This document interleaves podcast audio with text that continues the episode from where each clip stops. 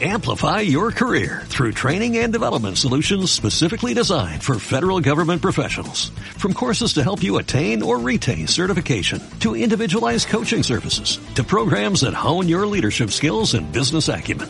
Management Concepts optimizes your professional development. Online, in person, individually, or groups. It's training that's measurably better. Learn more at managementconcepts.com. That's managementconcepts.com.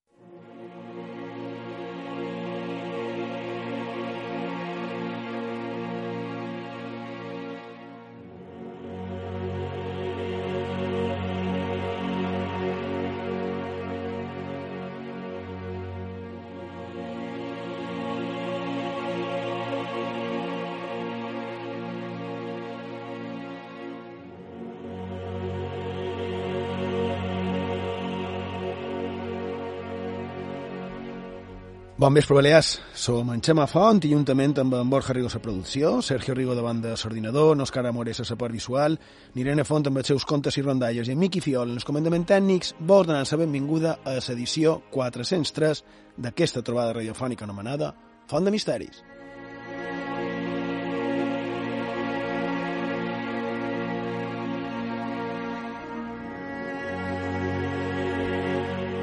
Bon vespre, Borja Rigo. Bon vespre. Sergio Rigo, bon vespre. Bones matinades, Xema. Exacte, sí, bones matinades. Aquí estem amb el nostre horari alternatiu, la nit de diumenge a dilluns.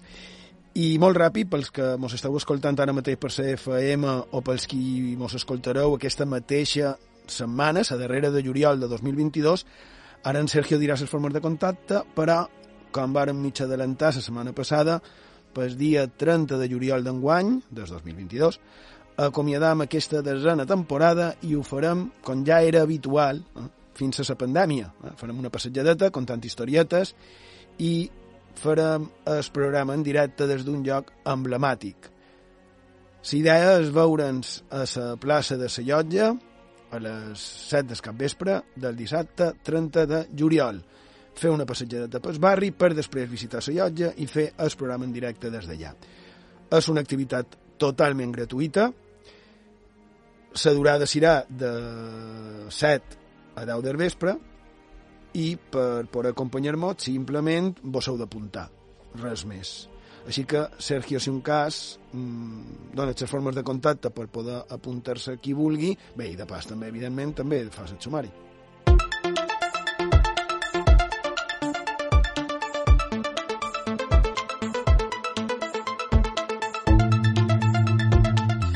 Aquest programa 403 de Font de Misteris el començarem xerrant de llocs de taula, concretament del joc de la Oca. Descobrirem les diferents còpies que se conserven a l'illa de Mallorca, perquè són molt especials.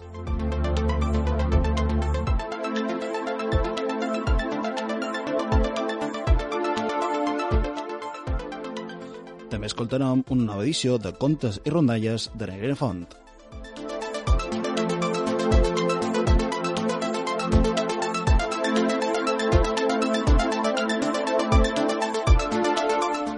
Principal dels programes seguirien xerrant de les formes de dormir de fa segles, que eren molt diferents a les que marca actualment el cànon. Com i per què ha derivat a l'actual estàndard?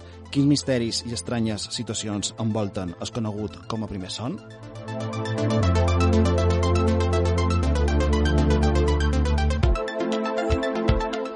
com cada setmana recordem als oients que ens podeu enviar tot allò que vulgueu a els nostres mitjans de contacte.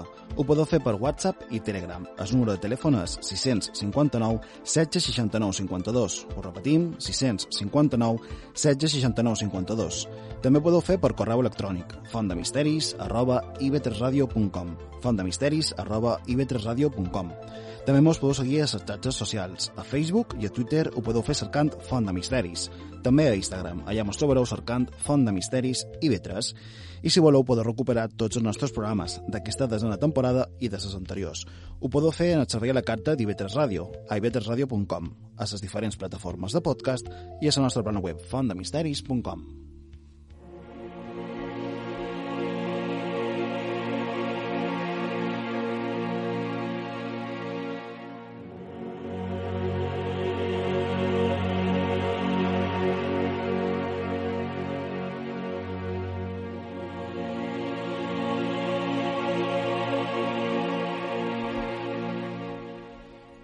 I de si un cas, Sergio, anem amb el teu, amb el teu temita, que sé com nosaltres li deim, com vulguis. I d'avui tema volia comentar una curiositat. Ara que estem en ple estiu i fa molta calor, segurament molts dels nostres oients aprofitaran per jugar en els típics jocs de taula, a la fresca o dins les cases, a les hores de més calor.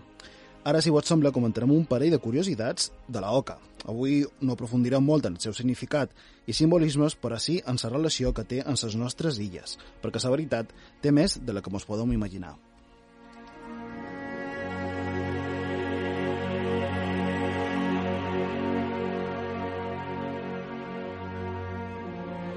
Què penseu si vos dic que probablement a Mallorca tenim establer més antic de lloc de l'oca que es conserva al món?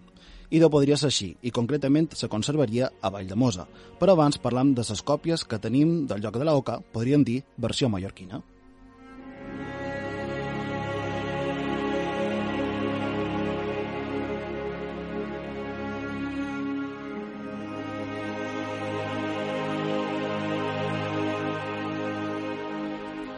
Els investigadors determinen que des del segle XVII se coneixen llocs de l'Oca a Alemanya, França, els Països Baixos, Itàlia i també de Mallorca. A Mallorca, la col·lecció de xilografies de la coneguda impremta Wasp se conserven dos molt interessants. Un d'ells, sense cap dubte, és de manufactura mallorquina, perquè apareixen dues monedes mallorquines que figuren en el centre. L'investigador Gabriel Llabrés argumenta que poden ser obres d'Antonio Naiper, que va estar a Mallorca damunt l'any 1513, perquè, segons Jabres, les monedes inclouen gravats, que inclouen les armes mallorquines en temps dels reis catòlics. Per la seva banda, l'investigador Lluís Ripoll difereix un poc i opina que és molt complicat determinar els tipus de monedes, però sembla que se tractaria del real mallorquí de plata. I finalment, un altre clàssic, com Sant Joan Amades, diu directament que parlant d'un lloc del segle XVII.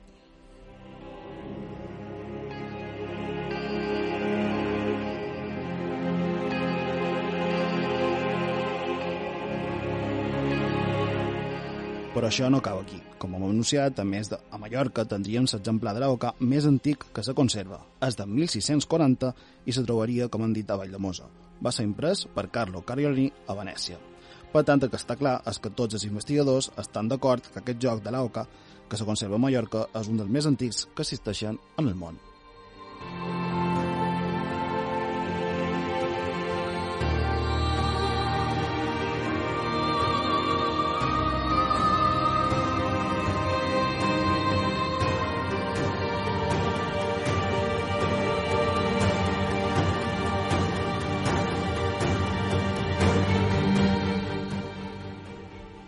I demà sembla molt interessant, a més, es torna a confirmar allò de que a les nostres illes ho tenim tot, no? Fins i tot, no sé si el que més, però com a mínim un dels taulers per jugar eh, en el lloc de, de soca més antics. Hm? D'un dels jocs de la Oca. Perquè resulta que el manco aquí, a les nostres illes hi havia diferents versions, perquè es diria el lloc de, de la oca i el lloc de l'auca, que també és una altra manera de dir oca, però que es diferenciaria de l'altra però que com a, com a lloc és, era una mica diferent el que tenim en el cap. Aquest de l'auca seria el conegut com a bisbis, que és una mena de ruleta, a un tauler, com el de, el de la oca, numerades i on els jugadors posaven la seva aposta, com si fos una ruleta, i de dins d'una bossa es treien els números de les caselles que resultaven premiades. I d'aquest lloc, l'arxiduc deia a final del segle XIX que estaven en desús, que només es practicava a reunions privades, cosa també normal perquè resulta que aquest lloc va ser prohibit en el segle XVIII, l'any 1749, tenc apuntat, i va ser prohibit per les autoritats eclesiàstiques.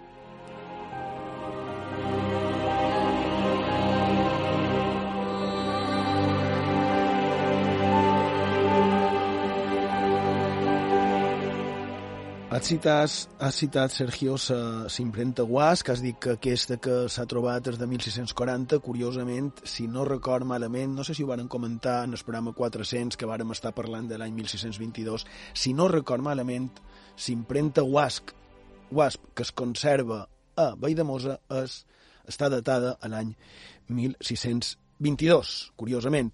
I eh, referida o referit en aquest tauler eh, que, que tu comentaves en el bolletí de la Societat Arqueològica Luliana de 1891, el teniu en el vostre abast eh, a la plana de, de la UIB, de la Universitat de les Illes Balears, la UIB digital, i en aquest eh, bolletí de 1891, és a dir, que té 130 anys, traiem això.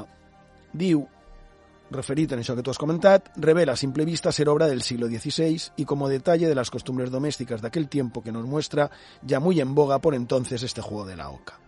Debió jugarse entonces como se juega ahora, y las figuras y casillas que contiene corresponden exactamente a las que aparecen en un grabado semejante, pero mucho más reciente y no de imprenta mallorquina, que posee el señor Quinza Forteza entre las notables antigüedades que se guarda en su casa Palacio de Sonberga. De allí copiamos la siguiente declaració del juego. I mos diu les instruccions per al lloc de soca de fa 500 anys. I mirau les semblances amb el que jugam a dia d'avui, excepció del de doblers, de ficar sous, bé que igual també hi ha qui juga? I de diu, comienzan a jugar y el que echa 6 y 3 va al número 26, y si echa 5 y 4 va al número 53. El que echase puntos que llegare a Oca cuenta de nuevo desde allí los mismos puntos y si fuere otra oca, haga lo mismo hasta llegar donde no hay. El que empezando a jugar echase seis puntos, mete, mete otro cuarto o real como al principio y va al número 12. El que fuera el número 19, que en la hostería pone otro tanto y se está en ella hasta que tiren dos veces y luego juega otra vez. El que va al número 31, que es el pozo, remata la postura y se está hasta que otro lo saque y vuelve él al sitio del que le sacó y el que le saca se queda en el pozo hasta que otro le saque. El que va al número 42, que es el laberinto, pone lo mismo y vuelve al número 39. El que va al número 52, que es la cárcel, paga lo dicho y se está en ella hasta que otro le saque. El que va al número 58, que es la muerte, pone lo mismo y vuelve a jugar de nuevo. El que yendo jugando llegare al número donde otro estuviere, le saca y el sacado vuelve al número del que le sacó. El que pasa del número 63 vuelve otros tantos puntos atrás como eche de más. Y si llegare a Oca, vuelve atrás hasta donde no la hay contando siempre otros tantos puntos como hecho. Y si acaso va la muerte, cárcel, laberinto, pozo, hostería o puente, se entiende lo dicho.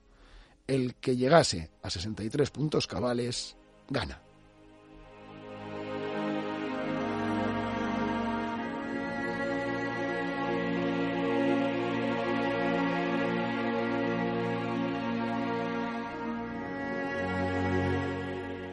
Que aquí una de les coses que me sorprèn és que jo supos que heu jugat, vosaltres també, Borja Sergi, qui mos esteu escoltant. Correcte. I, i els I, punts i que ha sobretot, citat... perdona, sobretot després de descobrir la vinculació en coses que avui no contarem. Això de més. Uh, jo me referia més bé quan, quan érem més, més al·lots, no? més joves. I mm, me l'atenció perquè totes les caselles que sempre es repeteixen són les que aquest, eh, aquestes instruccions, diguéssim, de, de declaració del juego, li deien ells, eh, també anuncien, no? Que, per cert, aquestes instruccions deixen ben clar el típic problema de quan un juga a, a la oca, on es parxís, no? Al final, eh, el problema que hi ha quan arribes per acabar amb els punts de més del daus, no? Tornes cap enrere o et quedes a Boneres. Això és típica discussió, no? I si vos fixau, el tema de les monedes que has dit, que ho identifica, aquest tauler que tu has citat, Sergio, ho, ho, ho identifica com a mallorquí, i de deuen ser les mateixes que citen en aquestes instruccions, perquè ja dic que jugaven d'obvés, i diu, el que empezando a jugar echase seis puntos, mete otro cuarto o real como al principio.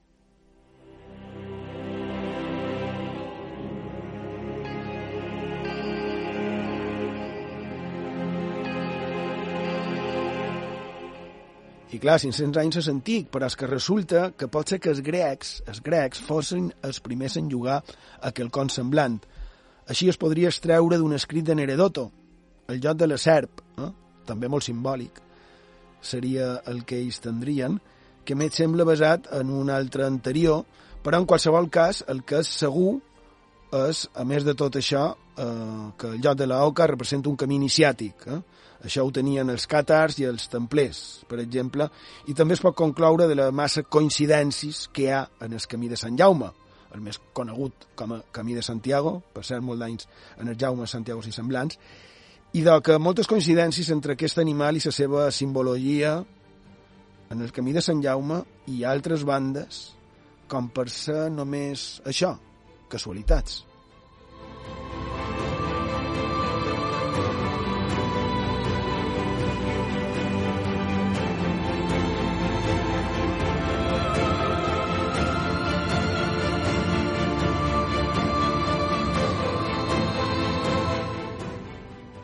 I de...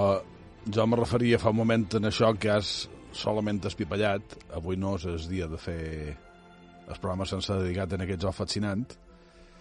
Però sí, evidentment, eh, me referia en aquesta part de, de simbolisme, de càtars, de templers, de camí iniciàtic, d'arribada eh, a un sepulcre, no sé, històries d'aquestes. En resum, que podrem fer un programa només dedicat a això, no? Borja Rigo, Totalment. Sergio Rigo, Ho firmem ara mateix. I de, ho per fer-ho a la propera temporada.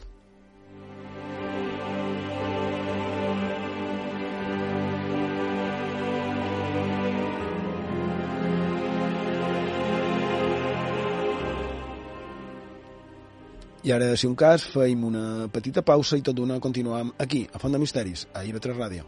Misteris i llegendes a Font de Misteris, amb Xema Font.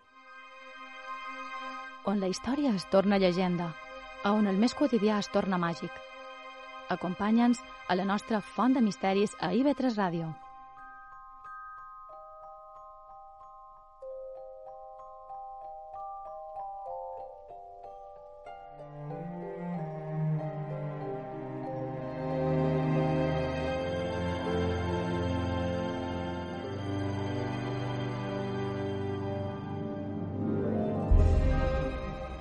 Seguim a Font de Misteris, a sintonia d'IV3 Ràdio, la ràdio pública de les Illes Balears. A Menorca mos podeu trobar en el 88.6 de la freqüència modulada i anem ara en la secció que nosaltres anomenem Contes i Rondalles, on Irene Font cada setmana mos du qualque contarella, qualque rondalla, qualque historieta que li hagi cridat l'atenció. Bon vespre, Irene. Bon vespre, Xema. Bé, bones matinades. Què mos dus avui? Bé, per avui duc una rondalla del llibre de rondalles de Mallorca, escrit per l'arxiduc Lluís Salvador. Aquesta, en concret, s'anomena Els dotze lladres i està ubicada a Sa Pobla, un poble de Mallorca.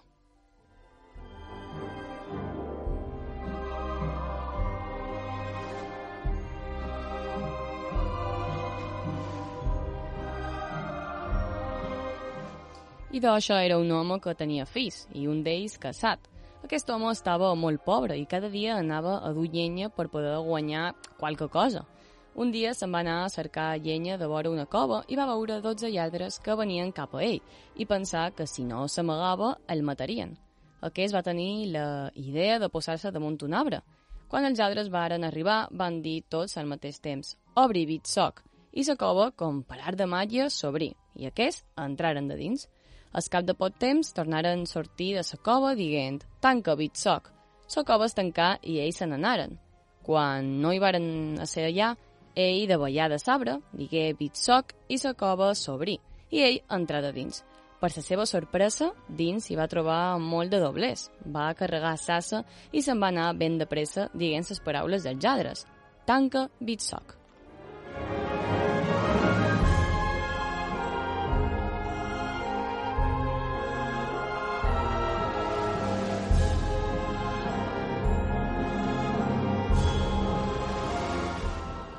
Quan va arribar a casa seva, els seus infants li digueren «Mon pare, com mos duis avui?» «Una cosa bona», va respondre ell, i digué en el major que anàs a cas fill casat i li digués si li volia deixar salmut. Bé, salmut era una manera de, de mesurar i també una mesura de gra. En aquest cas fa referència al recipient per eh, mesurar. Bé, aquest fill casat tenia una botiga de vendre que li anava molt bé i cada dia hi anaven els seus germans a veure si els volia donar qualque cosa per menjar, però ell sempre els arruixava. Quan el germà li va demanar saumut, aquest li va preguntar que per què el volia, que què volia mesurar, però aquest li va dir que no sabia, que solament estava allà per demanar-ho. Aquest va accedir. Se'n va dur saumut a casa seva i varen mesurar els doblers. Quan varen estar llest de mesurar, li tornà saumut i es fill casat, quan va desfer saumut per veure que havien mesurat, va trobar per dins ses juntes ni més ni menys que un duret d'or.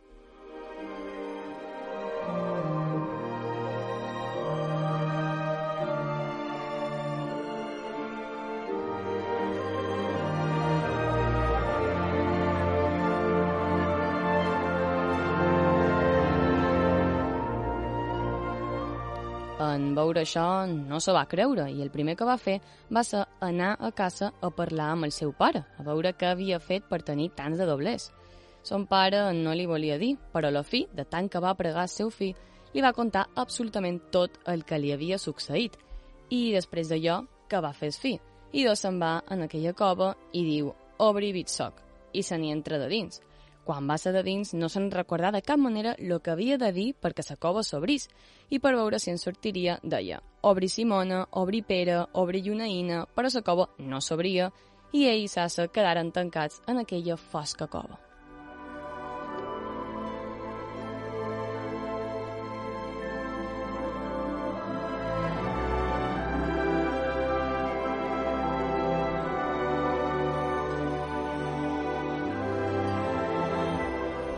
Bé, i ell va anar amb una assa per carregar tot el que pogués, i quan va veure que no en podia sortir de cap manera, va amagar l'assa dins un munt de doblers i llavors també s'hi amagà ell, però amb una orella de fora per poder sentir el que deien els lladres per obrir la cova, per posteriorment poder sortir ell. Passat una estona, els lladres s'atracaren i entraren dins la cova. Pagant una ullada en el munt de doblers, varen veure que hi faltava una part – Varen enregistrar tota la cova fins que un d'ells va veure l'orella d'aquell home que sortia. Li peguen estirada i surt aquell que estava amagat. Ell els digué que no el matassin i en compensació diria qui era el qui tenia els doblers, que ell no se n'havia duit cap i que només havia vingut darrere son pare, que era el qui tenia els doblers que faltaven per anar els lladres a casa son pare a prendre-li els doblers, varen quedar entesos de que se posarien dins una odra cada un i que el fill diria a son pare que compràs 12 odres d'oli, que eren una xaripa perquè el venien molt barato. Així ho varen fer, i quan ja tingueres les 12 odres, amb les 12 lladres, de dins, a casa seva, un criat i una criada digueren que feim bunyols, ara que hi ha molt d'oli, fassem-ne.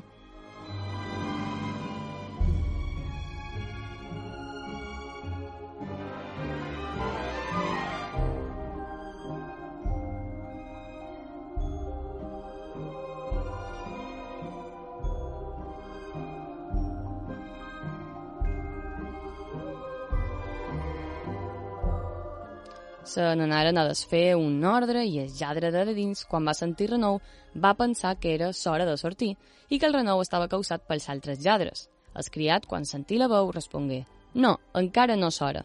Se n'anà la criada i li digué el que li havia passat. Aquesta li va dir que això havia estat causat per la por que tenia, que no fos poruc i que anàs a desfer un altre ordre. Ell se'n va anar a desfer un altre i li respongueren de, de dins exactament el mateix. Ell, quan ho sentí, se n'anà a donar part a l'amo, i l'amo, quan ho va saber, digué «Ja me l'ha fet el meu fill casat». Però l'amo sabia perfectament el que faria amb aquestes 12 odres.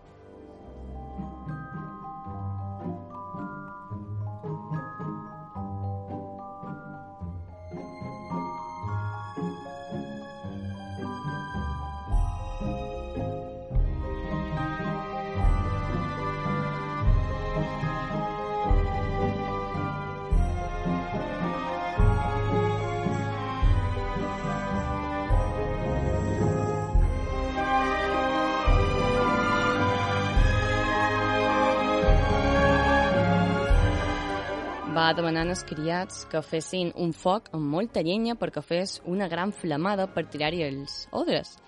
Quan tingueren el foc fet, hi tiraren tots, totes les ordres. Amb aquestes es varen sentir els crits dels lladres mentre es cremaven un a un. I ell es va apoderar de tota la cova i, en conseqüència, de tota la riquesa que hi havia al seu interior.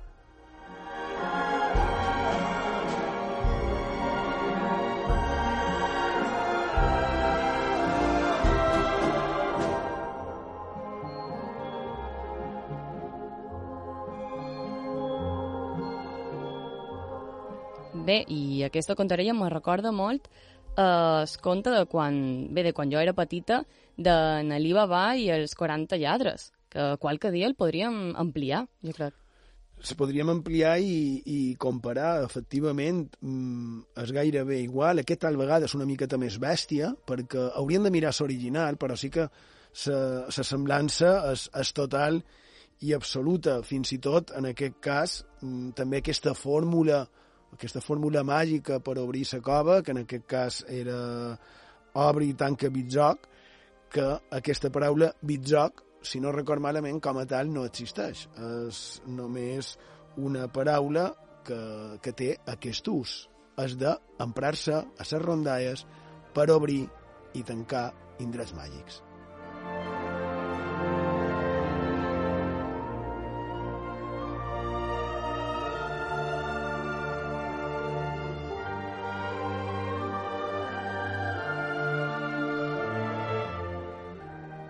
I de moltes gràcies, Irene. Gràcies a tu, Xema, i fins la setmana que ve.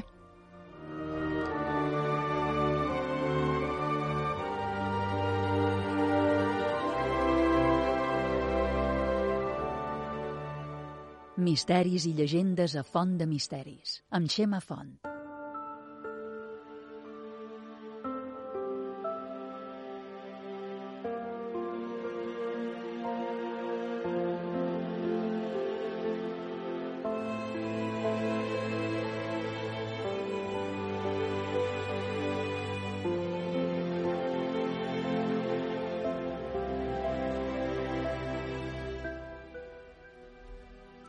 La setmana passada vàrem parlar de l'antiga, bé, no tan antiga, costum de dormir en fases interrompudes.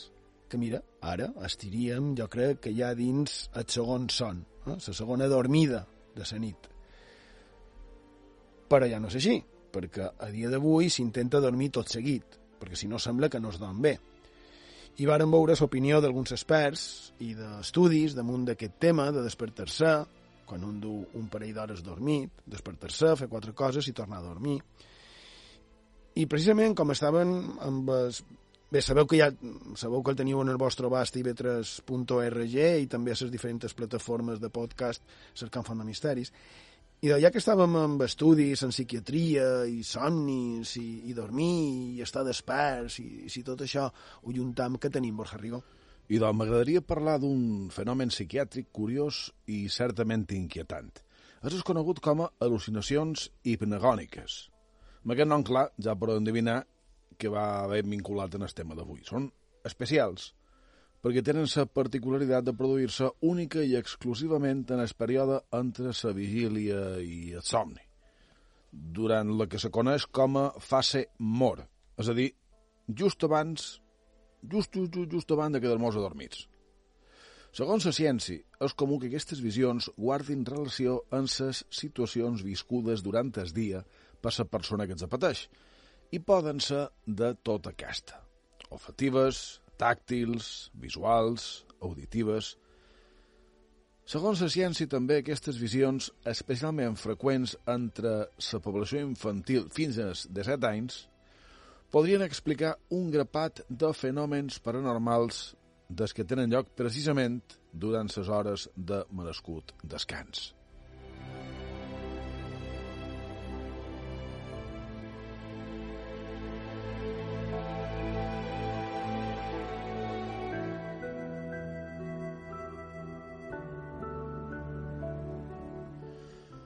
Personalment, clar, no puc contradir una opinió científica generalitzada, però sí que tens la necessitat de matitzar que per ventura aquest punt de vista és com a massa simplista. És a dir, amb una sola explicació se vol acabar amb infinites històries que escapen a la coherència i la lògica, de les quals, ara si voleu, en podem contar algunes. De fet, aquest tipus de visions nocturnes, segons aquest pare, si afecten a persones adultes, com succeeix en els casos que, que he preparat, és símptoma clar de greu malaltia mental.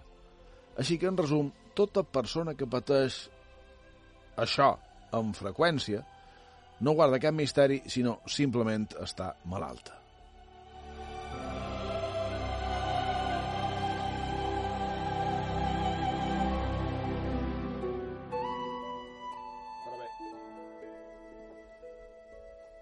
Però bé, si, si voleu, contam algun d'aquests d'aquests casos. Per exemple, a l'Episcopologio d'en Furió trobam un apunt sobre Fray Axare, l'any 1480. Parau atenció, diu Llegó a noticia de este siervo de Dios que en aquel camino vivía Nicolau Aringual, Amengual, vol dir, doliente de una enfermedad incurable en las piernas y sin esperanza de remedios humanos. Entró a visitarlo y consolando al enfermo le encomendó la invocación de Nuestra Señora del Socorro, diciéndole, como en Palermo una mujer mal sufrida y mareada de unas niñerías de su hijo, le dijo que le llevase el diablo, y que luego éste le arrebató el niño de sus brazos y que se lo llevó por el aire. Això ho hem contat qualque vegada, és, és fascinant, però diu, que reconocida la mujer se fue al convento de los agustinos y arrodillada delante de una imagen de la Virgen dijo con mucha devoción Virgen purísima, socorredme. Y que luego vio a Nuestra Señora que amenazando al demonio con un palo que llevaba en la mano derecha le quitó el niño de sus manos y se lo restituyó allí mismo. Díjole también el enfermo que al prior de aquel convento le reveló a la Virgen aquella noche que le edificase una capilla con esa invocación de Nuestra Señora del Socorro, y refiriendo otros milagros puso el venerable Axarc sobre una mesa la imagen que llevaba. Però, ara sí, ve esa part vinculada en el tema. Y encomendándose muy de veras el enfermo a su socorro, le venció el sueño en esta devoción. A medianoche, es decir, primer son, vio en sueños que la Virgen de aquella imagen tomando el aceite de la lámpara que ardía delante de ella, le ungió las llagas.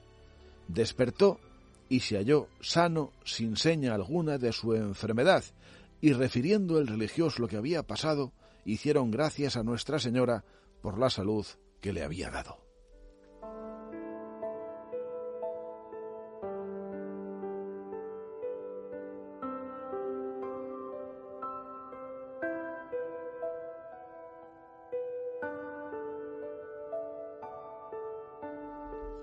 Bé, en aquest cas no es compliria la màxima queixa que, de, que has dit tu abans, com a crítica, ho has dit, evidentment, que tota persona que té visions és perquè està malament de l'enteniment o perquè té qualque trastorn psiquiàtric, visual, eh, neurològic o, o el que sigui.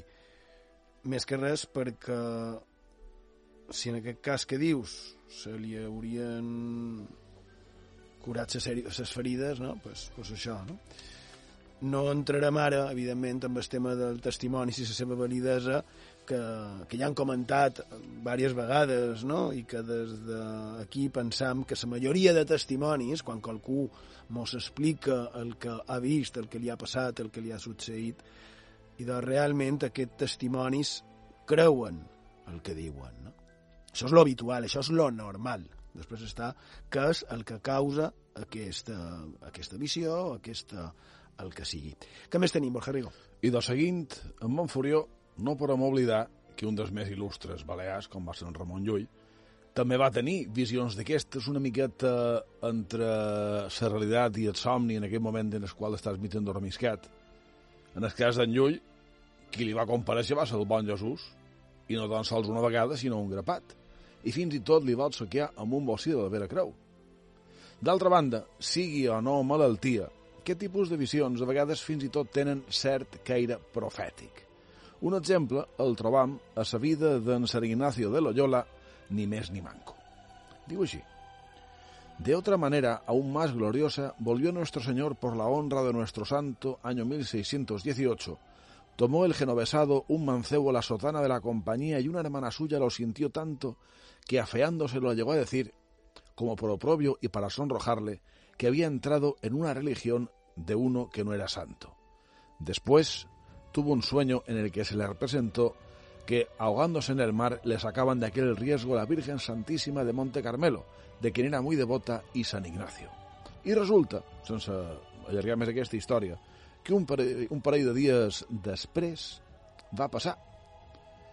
No entram ara, com dic, eh, com va acabar el tema, només dir que, ho descaure, que donaria per un programa vinculat en el món dels ovnis.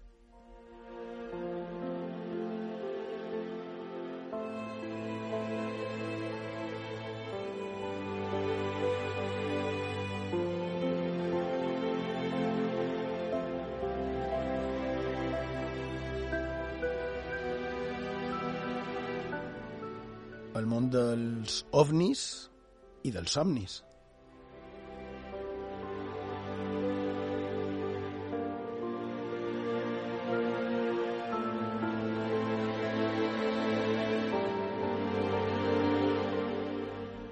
Tenim més casos semblants en això, com podria ser de Sant Guillem, que està recollida en el llibre Història de la província de la Corona d'Aragón, relativa a Sorda dels Agustins, on hi havia un ermità, Sant Guillem, que era tot sol, enmig del no-res, en aquella primera vigília, absorto en Dios, contemplando su divino ser. Y en aquel momento sintió de repente un gran ejército de demonios que como soldados ocupaban todo aquel valle.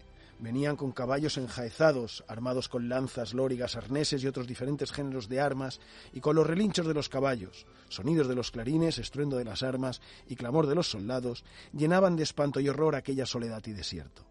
Juntábase a esto, para aumentar el terror, las voces y clamores de diferentes bestias y animales, i, i bé, i a part d'això, crits i horroroses voces, arriben fins a on era y entonces uno de ellos, que parecía el capitán y excedía a los otros en el adorno y lucimiento de las armas, y en virtud y poder, formando forma de su propio padre, empezó a persuadir a Guillermo que dejase aquel desierto y que se fuese con él para ayudarle en la campaña, y dando terribles voces le decía, Mira, Guillermo, a tu padre ya viejo que viene a buscarte y te ruega que salgas de esta choza. L'intenten convèncer de que abandonés aquella vida contemplativa i d'entrega de, i a Déu i que se'n tornés a la mundana vida. Ell no ho accepta, s'amplien servicions i s'intenta convèncer-lo i res, que no.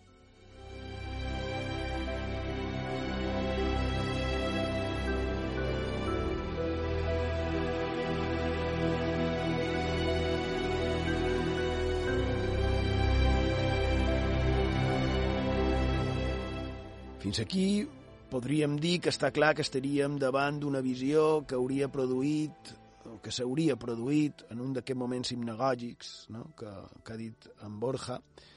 Bé, això, o el d'una vida massa ascètica, pot ser que no sigui del tot bo, però clar, si fos així, per què diu que com que no el varen convèncer l'atacaren i el deixaren apallissat, assotat, ple de ferides i amb tots els membres romputs?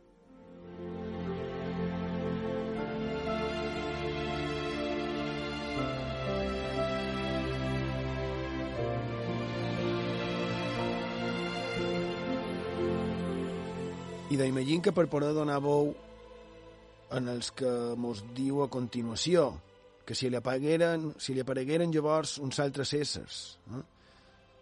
Una que interpreta con la Mare de Déu, acompañada de otras dos purísimas doncellas, todas tres en extremo hermosísimas, las cuales traían preciosos ungüentos para curar sus heridas, y llegándole a él, la que iba en medio, que era la Virgen María, con palabras dulces y suaves, despidiendo celestiales resplandores de su rostro más que las otras, le consoló diciendo, No te aflijas, hijo mío Guillermo, que tu pelea ha sido muy del agrado de mi hijo y mío, y por esto vengo yo a curar tus heridas y llagas. I així ho feren, deixant-lo de que aquell de dimonis l'ataquessin.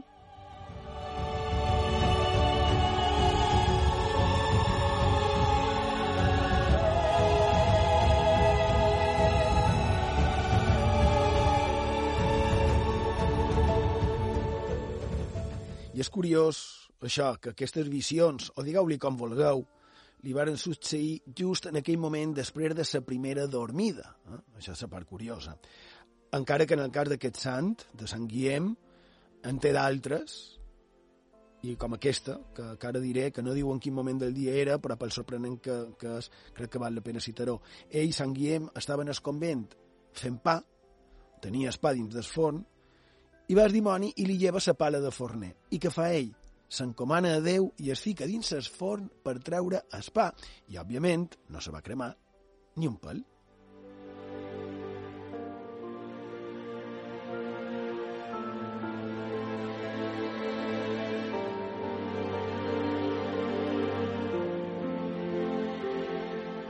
Però anem en el que anàvem.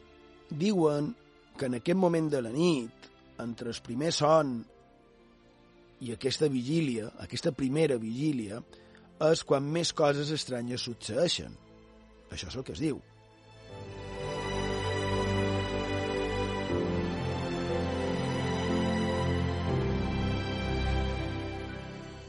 Pot ser tal vegada en aquesta hora on que estem ara.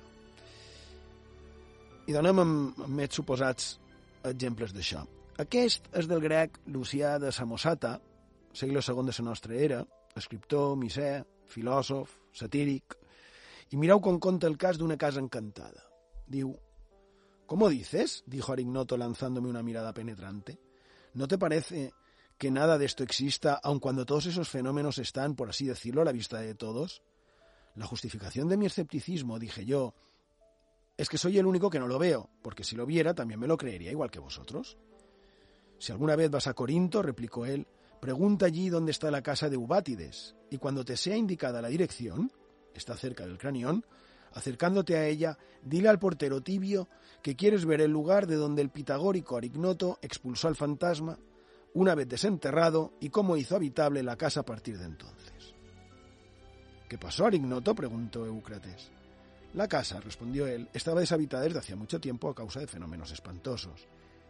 Si alguien vivía en ella, enseguida huía asustado, expulsado por un fantasma horrible y aterrador. El edificio se derrumbaba y el techo se caía a pedazos y no había nadie en absoluto que se atreviera a entrar en ella. Sin embargo, yo, cuando oí estos hechos cogiendo mis libros, tengo innumerables volúmenes egipcios sobre este tema, llegué a la casa alrededor del primer sueño, aunque mi anfitrión intentaba disuadirme y solo le faltó recurrir a la fuerza en cuanto supo a dónde me dirigía. A un mal seguro, según su opinión. Yo, tomando la lámpara de aceite, entré solo y colocando la luz de la estancia en la estancia más grande, me puse a leer en silencio sentada en el suelo. Se presentó el fantasma, creyendo que iba contra uno de tantos y esperando asustarme también a mí como a los demás. Estaba sucio, con el cabello largo y más negro que las tinieblas, y enfrentándose a mí, me tanteaba, atacando por todas partes por si podía vencerme por algún lado, transformándose bien en perro, bien en toro o en león.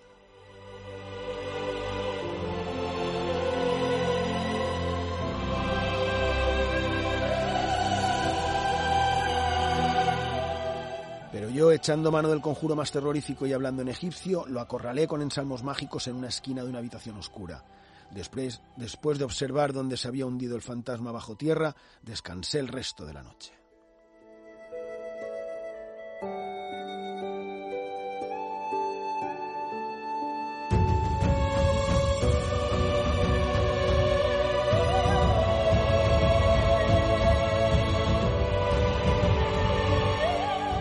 Cuando todos me daban por muerto y pensaban encontrarme cadáver como a los otros, salí ante el desconcierto general y me acerqué a Ubátides, dándole la buena noticia de que ahora podía vivir en su casa, que estaba purificada y libre de todo motivo de temor.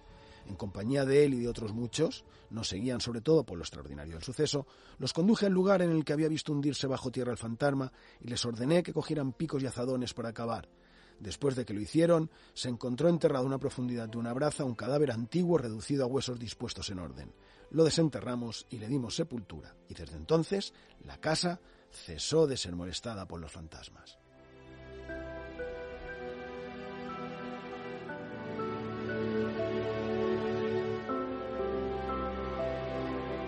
I la veritat és que aquesta història és molt xula, molt, com a, molt verídica. Me recorda, per exemple, a la famosa de les germanes Fox, i, i també resulta com a, com a historieta molt atractiva. Sí, com a massa.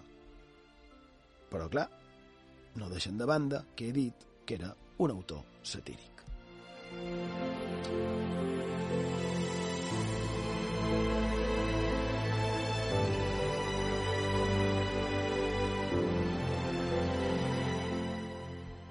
Un altre cas de fenòmens estranys en aquestes hores on un és en el primer son, és el que citaré, però també, com ha fet en Borja abans, el deixaré en suspens. Aquest és del llibre La leyenda de Montserrat, d'en Víctor Balaguer, on en aquell moment que deia luchó un momento con la fuerza del sueño que a su pesar iba apoderándose de ella y acabó por dormirse. Entonces le pareció, como sucede a menudo en, su primer sueño a todos los que duermen inquietos y agitados, entonces le pareció ver salir de entre el grupo de tinieblas hacinadas en un rincón de la estancia una sombra negra, el etíope que les había acompañado. Le pareció ver que se acercaba la lámpara, que la encendía, que a la súbita claridad se iluminaba la cámara, que dos hombres de rostros siniestros y salvajes, como los cazadores de la cena, entraban por una puerta baja y disimulada y se acercaban a su lecho. Berta soñaba, sin duda, y en este sueño se sintió separada de su esposo, transportada en brazos los dos cazadores, y vio cómo atravesaban por debajo sombrías bóvedas y bajaban y subían diversas escaleras, guiados siempre por el etíope y por la luz de su lámpara. Un altre dia, contaran com acaba aquesta història, però això de que passin estranys fets en aquesta hora no és només aquí. A terres mediterrànies, també arreu del món, per exemple a Sud-amèrica, en aquest cas a Nicaragua. També tenim casos semblants en aquest que contaré molt ràpid a altres països, com Mèxic, Honduras, però a Nicaragua tenen unes creences atribuïdes a una mena de bruixots, anomenats tejojes, que tindrien la capacitat de que es poden convertir en animals, tipus cocodril, però també en altres, com tigre, ca, com el que he contat d'en Samosata, o lleó. Això es diu a la Història General i Natural de les Índies i realment se, se gent, alguna gent creien que era possible, creien en la zoantropia dels bruixos. Això de la zoantropia és creure que qualcú té la possibilitat o la capacitat de transformar-se en animal, com les bruixes també de per aquí, clar, però més bèstia i més sanguinari. En aquest cas que, que du que és una crònica recollida Calcul que la primera meitat del segle XVI, on un cacic se'n va un dels conqueridors, en, en Luis Farfán, que era responsable de la seva zona, i li va anar a demanar que els hi deixés un dels seus cants. I el cacic li diu que, que era per por precisament en els tejojes. El conqueridor se'n riu i li diu que es deixi de beneitures, que de tejojes res de res. I ell li diu que sí, que per favor, que els tejojes estaven a prop de casa seva perquè volien dur-se'n el seu nadó per menjar-s'ho.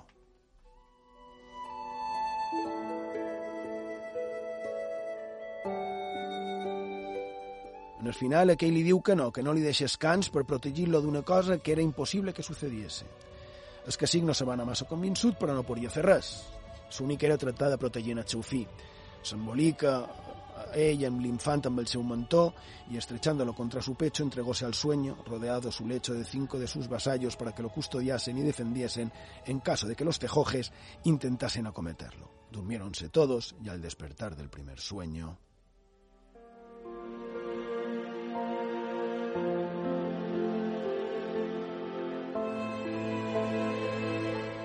El tierno niño había desaparecido de entre el manto y los brazos de su padre.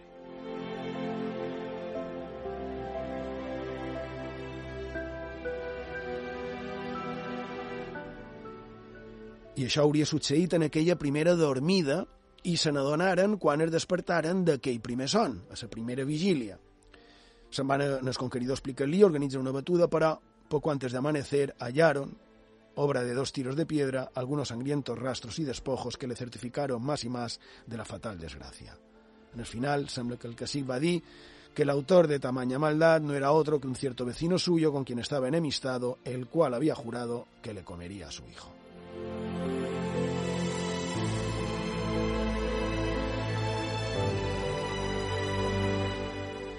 Que vaya també quin mal acabar el programa, però bé, que per cert, jo no havia sentit mai aquesta paraula, tejoje, però vendria a ser l'equivalent en els nahuals, eh? que en aquest cas seria un bruix que abans que es despertessin del primer son va convertir-se en bístia per prendre-li el fill i menjar-se.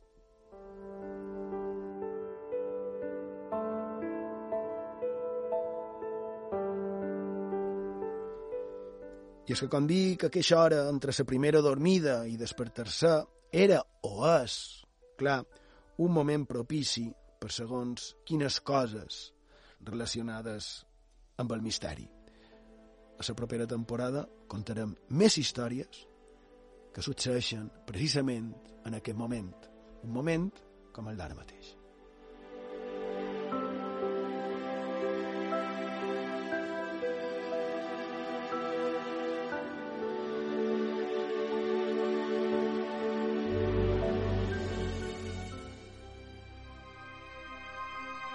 La història es torna llegenda, a on el més quotidià es torna màgic.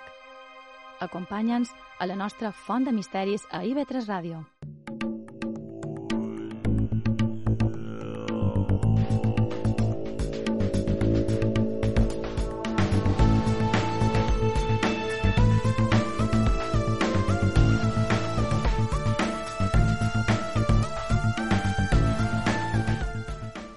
I d'hem arribat a la fi del programa d'avui. Esperem que hagueu passat una estona agradable i que hagueu pogut treure qualque cosa de profit d'aquesta font de misteris.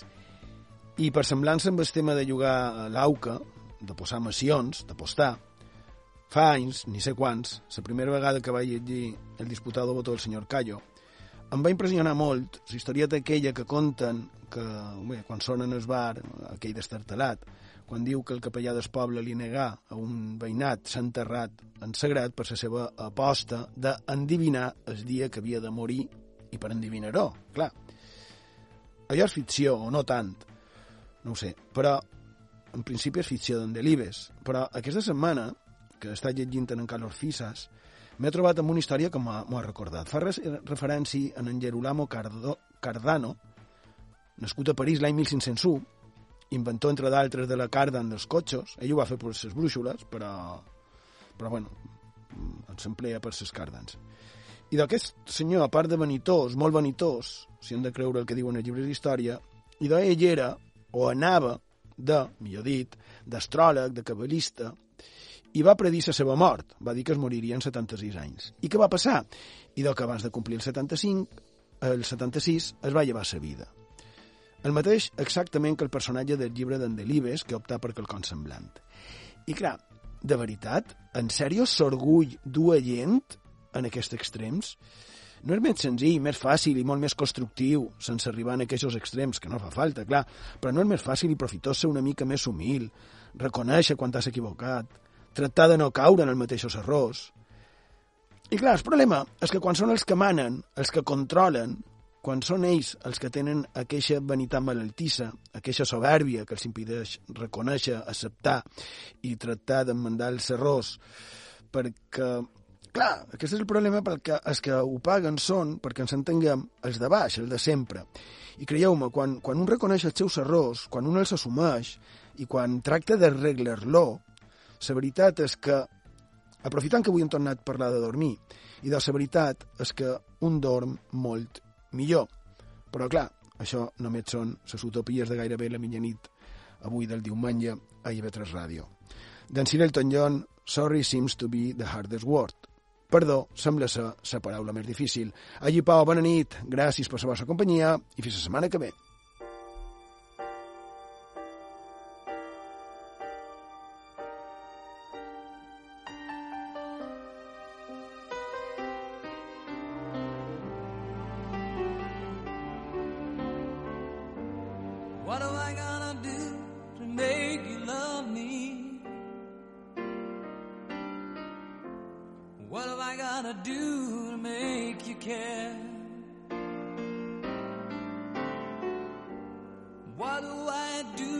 when lightning strikes me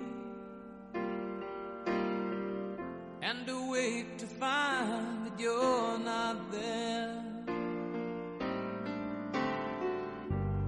What do I do to make you want me? What do I gotta do to be heard? What do I say? it's all over. I'm sorry seems to be the hardest word. It's sad, so sad, so sad. With the sad, sad situation.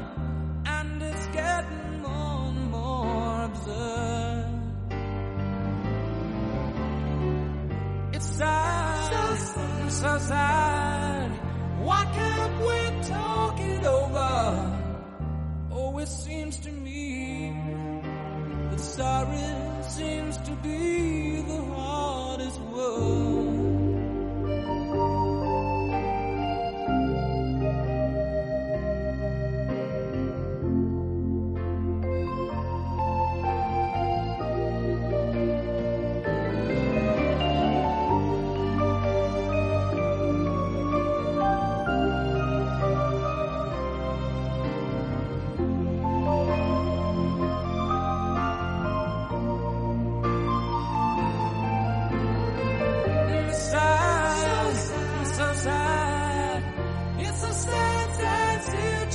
Attention, and it's getting more and more absurd. It's sad, so, so sad. Why can't we talk it over? Oh, it seems to me that sorry seems to be the hardest word. What do I do to make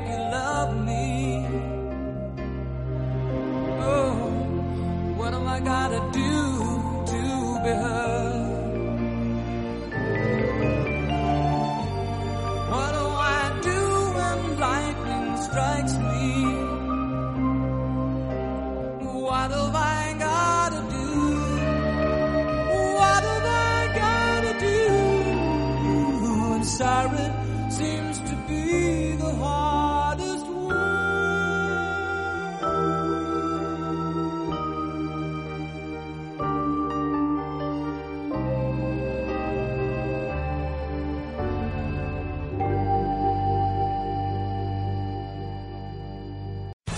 Amplify your career through training and development solutions specifically designed for federal government professionals. From courses to help you attain or retain certification, to individualized coaching services, to programs that hone your leadership skills and business acumen, Management Concepts optimizes your professional development. Online, in person, individually, or groups, it's training that's measurably better. Learn more at managementconcepts.com. That's managementconcepts.com.